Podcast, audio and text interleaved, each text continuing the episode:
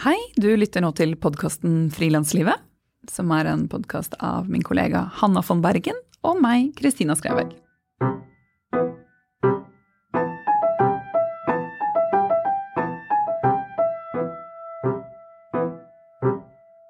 Episoden du nå skal høre, ble spilt inn for lenge siden, hjemme i min stue. For dette var før vi hadde studio, og før vi hadde kjøpt oss det utstyret vi har i dag. Derfor er ikke lyden like bra, men vi syns innholdet leverer, og derfor sender vi episoden likevel. Lene Hodge, som skal intervjue meg i dagens episode, har i mellomtiden fått seg jobb. Da opptaket du straks skal høre ble laget, hadde hun nettopp, nettopp sagt opp jobben og trodde hun skulle frilanse, men nei da. Livet tok henne først til en stilling som forretningsutvikler i startupen Repairable, og nå har hun nettopp begynt i jobb i Norges vassdrags- og energidirektorat. For hun har funnet ut at hun, at hun trives best som intraprenør, altså en som heller skaper innenfor en etablert virksomhet eller bedrift. Så dere, nå ruller vi episoden i gang, slik den ble laget for et år siden.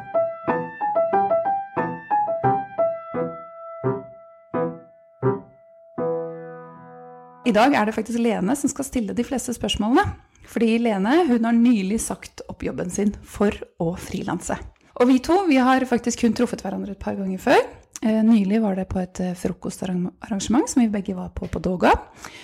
Og i etterkant av det så spurte Lene meg om vi to kunne ta en kaffe, fordi hun lurte på masse eh, med tanke på den nye, den nye frilanstilværelsen.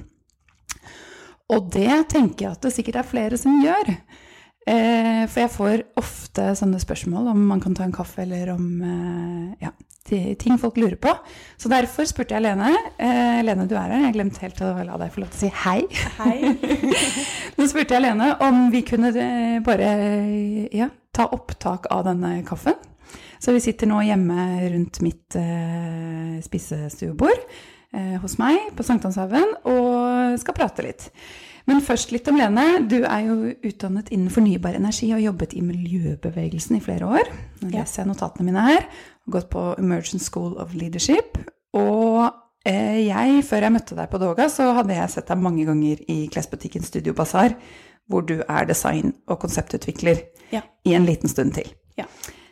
Men du, jeg stiller deg noen, et par spørsmål først, fordi jeg er veldig nysgjerrig på deg også. Eh, og så er det du som liksom styrer dette showet, da. Gøy. Ja, du bestemte deg for å si opp jobben. Eh, Kan ikke du bare fortelle hva, hva fikk deg til å gjøre det? Hva, hva gikk gjennom hodet ditt? Det er jo kjempetøft. Ja, Ja. det er jo det, men jeg tenker at det er, det er kanskje tøffere å leve med at man ikke prøvde på Mm. sikt. Så for meg så handlet det om eh, hvordan kan jeg ta i bruk de ferdighetene jeg er blitt bedre kjent med gjennom Emergent School of Leadership, og hvordan kan jeg bruke de til å skape noe som ennå ikke er skapt. Det er egentlig det som gikk gjennom hodet mitt. Og den naturlige konklusjonen på det var å tydelig avslutte det jeg holdt på med der og da, for å gi plass og tid og mulighet til disse nye tankene. For det er kanskje ikke noe man bare kan gjøre sånn på kveldstid ved siden av jobben?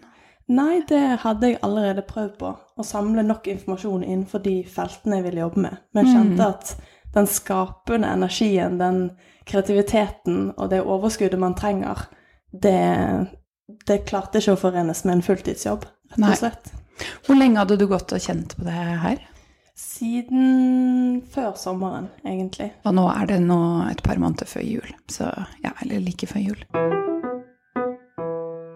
Ok, da er det jeg. Jeg aner ikke hva du skal spørre om, men eh, du har liksom Du har de neste 30 minuttene. Tusen takk.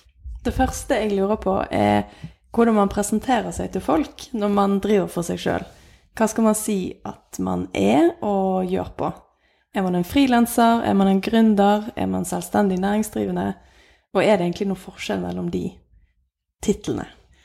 Personlig så har jeg alltid kalt meg eh, frilanser. At det er på en måte den formen, måten jeg jobber på, har. Men det er jo bare en form. Så når folk spør hva jeg driver med, så sier jeg at jeg er journalist. Og så spør de ofte 'Å ja, hvor jobber du?' Og så sier jeg 'Å, jeg er frilansjournalist'. Og så ser de på meg med litt sånn Å, du trist Hva heter det? Hundeøyne. Liksom Å, er du frilanser? Så jeg, jeg ser at um, det å frilanse, det, er det, mange, det er mange som har fordommer mot. Eh, men i, mitt, uh, i min bransje, hvis du ikke har en fast jobb, og du har mange forskjellige oppdragsgivere, så er på en måte frilanser det er på en måte begrepet uh, om den måten jeg jobber på. Så det har jeg alltid kalt meg. Uh, og så får det bare være at det har litt sånn negative Ja, folk har negative tanker om det, eller fordommer mot det.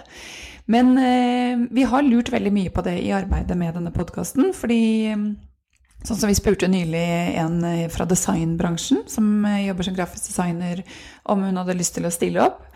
Og hun var veldig usikker på det fordi hun ikke anser seg selv som frilanser. Men hun driver sitt eget eh, Altså hun er selvstendig næringsdrivende, driver for seg selv. Men eh, hun følte at det var liksom såpass negativt ladet å være frilanser.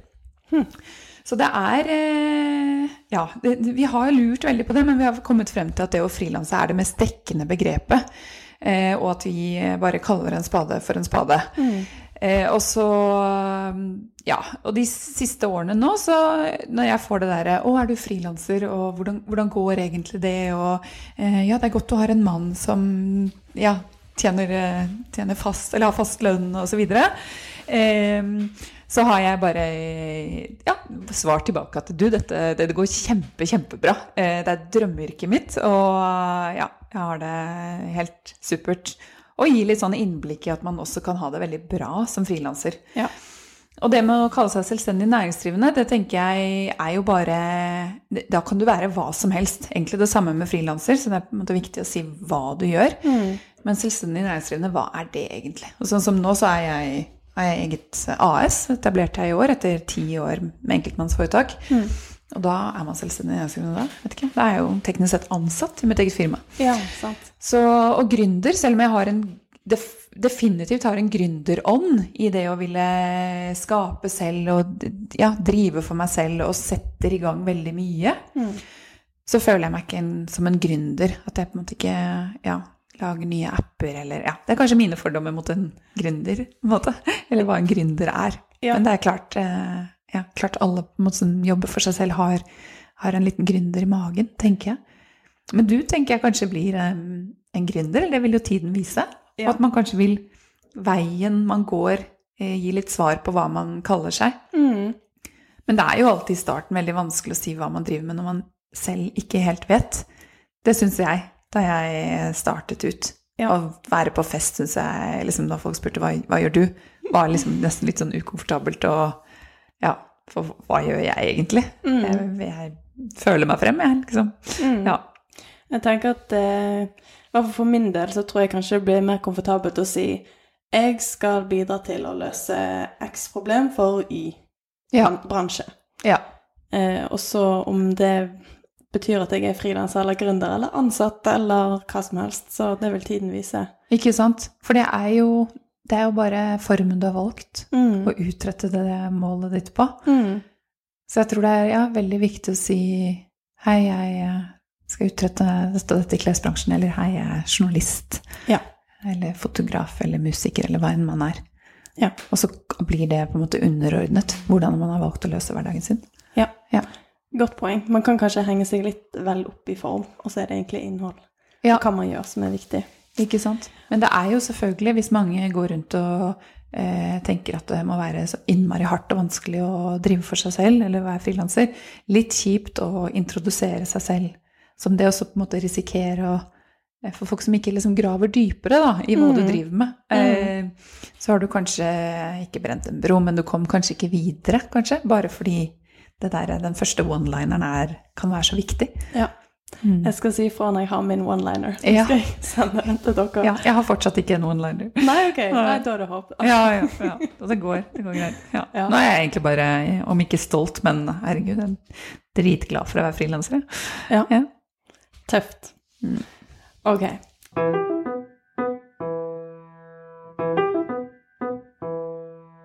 Eh, Det er 2. januar 2018, og jeg skal i gang med min nye tilværelse som ja, Ja. gründer, da.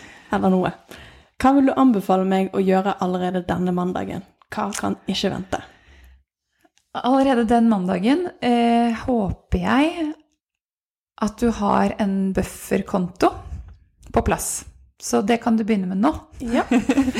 Eh, for du fort, nå når du fortsatt har noen måneder på deg. Mm. Fordi det er mye lettere å starte ut eh, hvis du har en eh, trygghet eller ja, sikkerhet og visshet om at eh, hvis dette går helt skeis, eller jeg ikke får noen oppdrag på noen måneder, eh, så har jeg det å lene meg litt på. Jeg vil Mm. klare meg i noen måneder. Og det har jeg alltid hatt. Uansett hvor bra det går, så må man på en måte ha en til alt som er uforutsett, om du blir syk, eller om du trenger en inspirasjonsreise, eller får en dyr regning, eller Ja. ja, det ble tørke eh, i oppdragene. Så det er eh, kjempeviktig. Og så den første dagen eh, sende ut mailer, avtale møter, eh, tenke på hvilke frokostarrangementer skal jeg på, eh, hvor kan jeg komme meg ut og møte mennesker som jobber med det, innenfor det feltet jeg vil jobbe med. Hvem er lure å snakke med? Mm. Eh, det er eh, ja, kjempeviktig å bare navigere deg rundt i det feltet. Og man vet aldri hva nye relasjoner eh, blir til. Om det ikke blir til noe Man kan bli litt utålmodig i starten. Sånn å, men nå har jeg gitt så mye og tatt så mye initiativ, da må noe komme tilbake. Ja. Det kan ta et år, og det kan ta noen måneder. Og, men bare det å liksom sende ut en masse følere, og så være innstilt på at den, det må du ta, det må du gjøre. Mm. Så plutselig så kommer det bare sånn diltende tilbake til deg. Så det initiativ, masse, ta masse initiativ, brett opp armene og tenk at det er gøy. Jeg husker eh, jeg studerte i London, og før jeg flyttet hjem igjen til Oslo, så flyttet jeg et år til København. Og da jeg visste jo at jeg alltid ville bli frilansjournalist. Da, men da bodde jeg der et år, og egentlig uten mål og mening. Og da satte jeg meg som et mål å drikke en kaffe med en ukjent person hver dag. Så, øh, og det mm, Jeg ble jo fryktelig sliten av det, men man klarer på en måte det i en periode, og det gir jo veldig mye energi, og plutselig så kjenner man veldig, veldig mange mennesker. Så det Ja. Drikke kaffer og ut og møte folk. Og så eh, pass på at du ikke sitter ensom og alene. Eh, for da er det ja, midt på vinteren og mørkt og kaldt ute. Og liksom ikke gro fast i sofaen med laptopen i fanget i joggebuksa. Mm. Eh, kom deg gjerne til eh, et eh, kontorfellesskap hvor det er eh, mange positive mennesker, aller helst. Kjempeviktig. Omgi deg med folk som du blir glad av å møte når du kommer inn om morgenen, som heier på deg, som er interessert i å høre på hva du driver med. Folk du kan sparre med. Eh, ja, drikke kaffe med. Mm. Også veldig, veldig viktig. Ok. Eh, Neste spørsmål mitt eh, Når jeg på en måte har kommet meg litt videre i det jeg har lyst til å drive med, og har et møte med en drømmekunde og ser veldig at eh, jeg kan gjøre noe for de, og de trenger meg og det jeg tilbyr, men så er på en måte Det blir ikke noe oppdrag av det. Det er sånn takk, men nei takk, ikke nå. Har du noen Au. tips? Ja. Ja. Har du noen tips eller råd til hvordan man skal håndtere avvisning, både, både på kort sikt, men òg på lang sikt, for gjerne ha mulighet til å få bygge en relasjon videre, da, til tross for en sånn avvisning? Jeg har aldri blitt avvist. Jeg har ikke det. Er det sant? Ja. ja. Ja. Nei da. Nei, det, jeg, eh, jeg vil si man blir avvist eh, 99 av 100 ganger. Nemlig. Nesten, ja. I hvert fall i starten. Eh, og det må man bare glemme. Eh, fokusere på alle ja-ene man får. Eh, fordi det er så utrolig mye nei. Eh, så eh, på kort sikt så prøv å ikke la det gå for mye inn på selvtilliten din. Og det er veldig vanskelig i starten, fordi man føler at det man eh, byr på, og det møtet man hadde, det man liksom Man solgte jo inn seg selv, og det man selv kan skape, og sin kompetanse, henger veldig sammen med eh, ja, personlighet og din egen verdi. Så det er eh, Prøv å jobbe med det. At eh, det var ikke meg. Det, det var eh, Ja, akkurat den kompetansen passet ikke der, eller passet ikke for dem akkurat nå. Mm. Og det er så mange grunner til at folk takker nei. Det kan være timing, at de ikke har økonomi, at de har gjort noe lignende før, at de er, er, i dialog med noen andre som gjør noe lignende. Så det, det handler veldig sjelden om en selv. Mm. Men det kan være lurt å spørre. Prøve å ja, få en tilbakemelding om hva, hva var det dere savnet? Er det noe jeg kan tilpasse? Jeg er veldig interessert i å jobbe med dere. Vise masse lyst og initiativ. Mm. Motivasjon er jo veldig appellerende. eh, At folk er veldig keen på å jobbe med akkurat det firmaet, eller hvem det er. Men, eh, og ikke minst spørre hva er det dere er ute etter? Ja. Ikke være redd for å spørre helt konkret hva har dere behov for? Hvilke problemer hos dere kan jeg løse? Ja. Hvordan kan jeg være en løsning for dere? Mm. Eller en ressurs? Og på lang sikt så tenker jeg at hvis du selv vet, kjenner at eh, jeg og dette firmaet, eller hva det nå er, vi hører sammen, vi er meant to be, så ikke la deg stoppe. Det, jeg har mange eksempler på det. At man, eh, sånn som jeg har noen gode venner som eh, jobber i London, som er eh, designere, liksom multikunstnere, som i flere år visste at de hadde lyst til å jobbe med en stor, kjent, dyktig designer i London. Mm. Og de, det var liksom et av deres store mål, og det, jeg tror det tok dem to-tre år å nå frem til han. Med research og mailer, og de vil lage tekstilprint for han. Og Ja. nå har de laget masse i samarbeid med han. Eh, så det er en sånn, De så det selv mye før han så det, at dette var liksom en perfect match, en perfect union. Ja.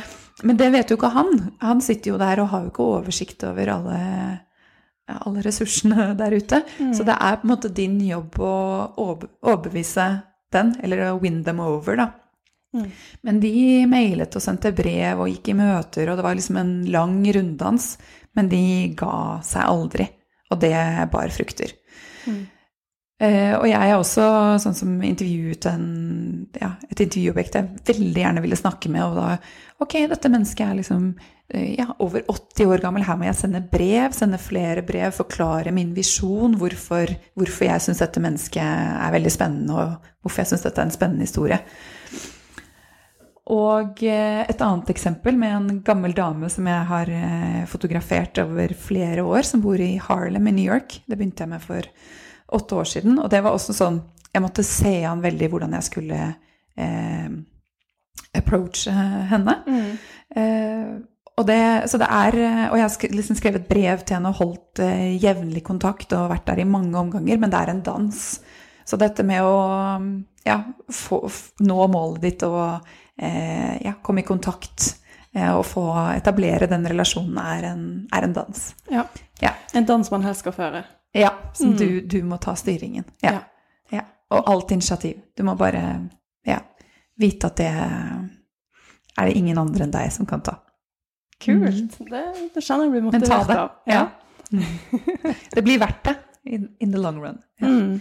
For man har noen sånne som man bare Her er det noe. Det her, dette vil være en supermatch. Ja. De, de bare vet ikke om meg ennå. Eh, det er meningen. Mm. Eh, og de er det verdt å gå for. Og så har man masse andre kunder som bare Å, dette funker kjempebra, men eh, det er liksom alltid noen sånne Eller mange har noen, noen få, da. Mm. Mm. Så det blir kanskje meg- en langvarig relasjon. Ja. Det skal det jo helst bli. Ja. Og det leder meg over til neste spørsmål, um, som kommer egentlig ut ifra at i dag, når vi har tilgang til hele verden på vår mobiltelefon, så ser man veldig mange andre mennesker som driver med ting som er spennende. Og min Instagram-feed er fylt med kule, bra damer som jobber inn mot politikk og miljø, og forener det på en måte som da. ja, ikke sant? Så spørsmålet mitt er jo hva er den beste måten å håndtere dette på? Altså, er det fremtidige samarbeidspartnere, kunder, venner, konkurrenter? Skal jeg bruke det som inspirasjon?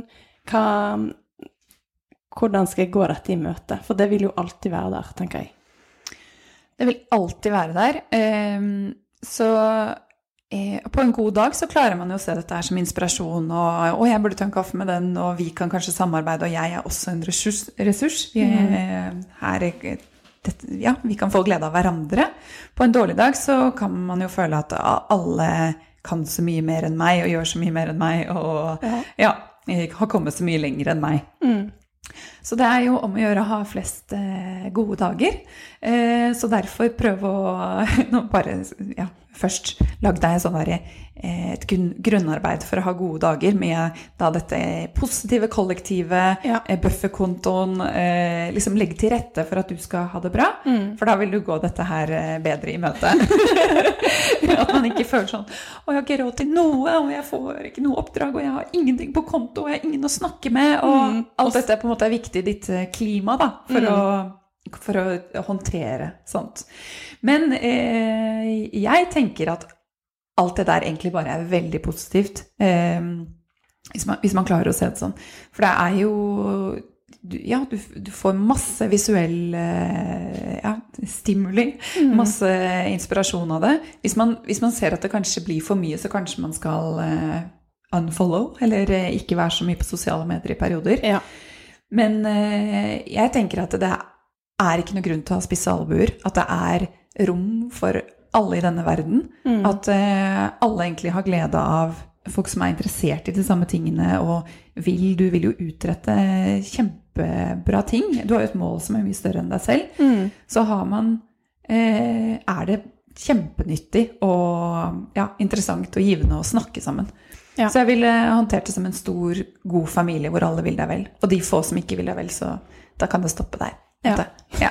Og det er litt med dette å sitte i et frilansfellesskap at da er det mange som har sagt til meg sånn Å, men blir ikke det å sitte sammen med konkurrenter, og vil du det, og vil du ikke hegne litt om ditt? Mm. Jeg tenker ikke sånn i det hele tatt. Jeg tenker at eh, det er nok jobb der ute for alle. Det er nok ting du kan utrette i denne verden. Mm. Er det et oppdrag jeg ikke kan, så herregud, jeg gir det jo til eh, hun andre kjempeflinke journalisten som gjør det. Jeg løser problemet for kunden, hun får jobb, alle, alle blir gladere. Jeg Mm. blir gladere òg, jeg slipper å ha det hengende over meg.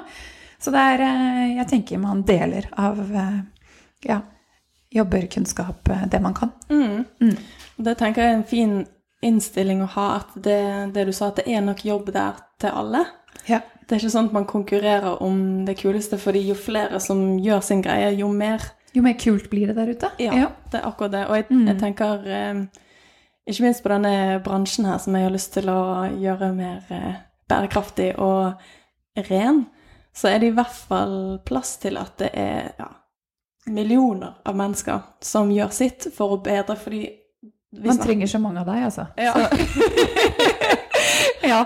Så det Ja, så det, det tror jeg skal ta med meg videre. For det er veldig mange Selvfølgelig søker jeg de som driver med det jeg inspireres av, men det er Man har jo et valg. Skal jeg ta dette som eh, eh, et tegn på at jeg ikke duger, eller skal jeg ta det som et tegn på at det er spennende muligheter der ute, da? Ja, jeg tenker det siste. Og at det er et tegn på at behovet er der. Og at det fins likesinnede, heldigvis, Ja. som du kan spare med. Og ja, kanskje man kan ha, spennende samarbeid. Og ja, Ja. man står liksom sterkere sammen. Da. Så jo flere som er med på å pushe denne bevegelsen, jo bedre. Mm. Mm. Det kjenner jeg er veldig motiverende. Så det er veldig fint å få svar på det spørsmålet. For jeg tror man kan lett bli opphengt i det. Nå er ikke jeg egentlig et sånn orakel, jeg bare later som i dag. jeg håper, uh, håper det kan hjelpe. Ja. Ja. Kult. Mm. Ok, mitt siste spørsmål um, er litt sånn for å avslutte på en litt motiverende kurs.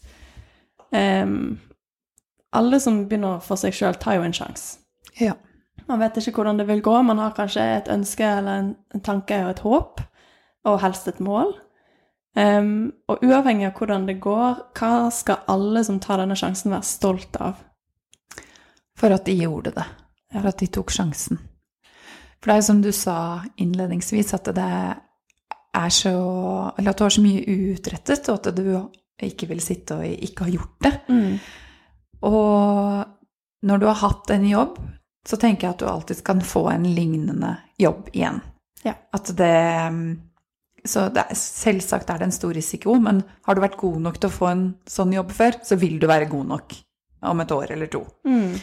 Eh, om ikke enda bedre, fordi du har prøvd og ja, fått masse erfaring. Veldig godt poeng. Ja. Ja. Mm. Så nei, være kjempestolt av at man gjorde det. Og at det det er så viktig, tror jeg, å ikke være så redd for å gjøre feil. Altså, det er ikke så farlig om man går litt på trynet, liksom. Mm. Det er hvis du selv er robust nok til å på en måte klare det, og du vet du lander på beina, så det Ja. det gjør livet kjempespennende, og ja, at man prøver er kjempeviktig. Man vet ikke hva som kan skje. Det, og masse kan skje. Ja. Så jeg, jeg syns alle som eh, tør det, eh, er eh, ja, drittøffe. Alle som tør å gå litt på trynet, liksom. Ja. Det, ja. Vi har alle godt av å være litt sånn ute av komfortsonen iblant, tenker jeg. Helt Mm. enig. Kjenne på litt sånn usikkerhet og føle seg litt liten, litt rar, litt annerledes, litt ensom. Det er helt naturlig, og ja, det er eh, en del av følelsesspekteret som, vi- som er der, og man må tåle å kjenne på det iblant. Mm. Ja. Tusen takk for at du svarte på spørsmålene mine. Bare hyggelig. Det har vært kjempehyggelig. Jeg kjenner at Ja. selv, selv uten å ha gått i gang med noe, så har jeg liksom masse tanker og ideer, og ikke minst inspirasjon Så bra. og motivasjon. Åh, det er eh, fantastisk. Jeg kan bidra med. Ja. Ha det! Ha det! Hei!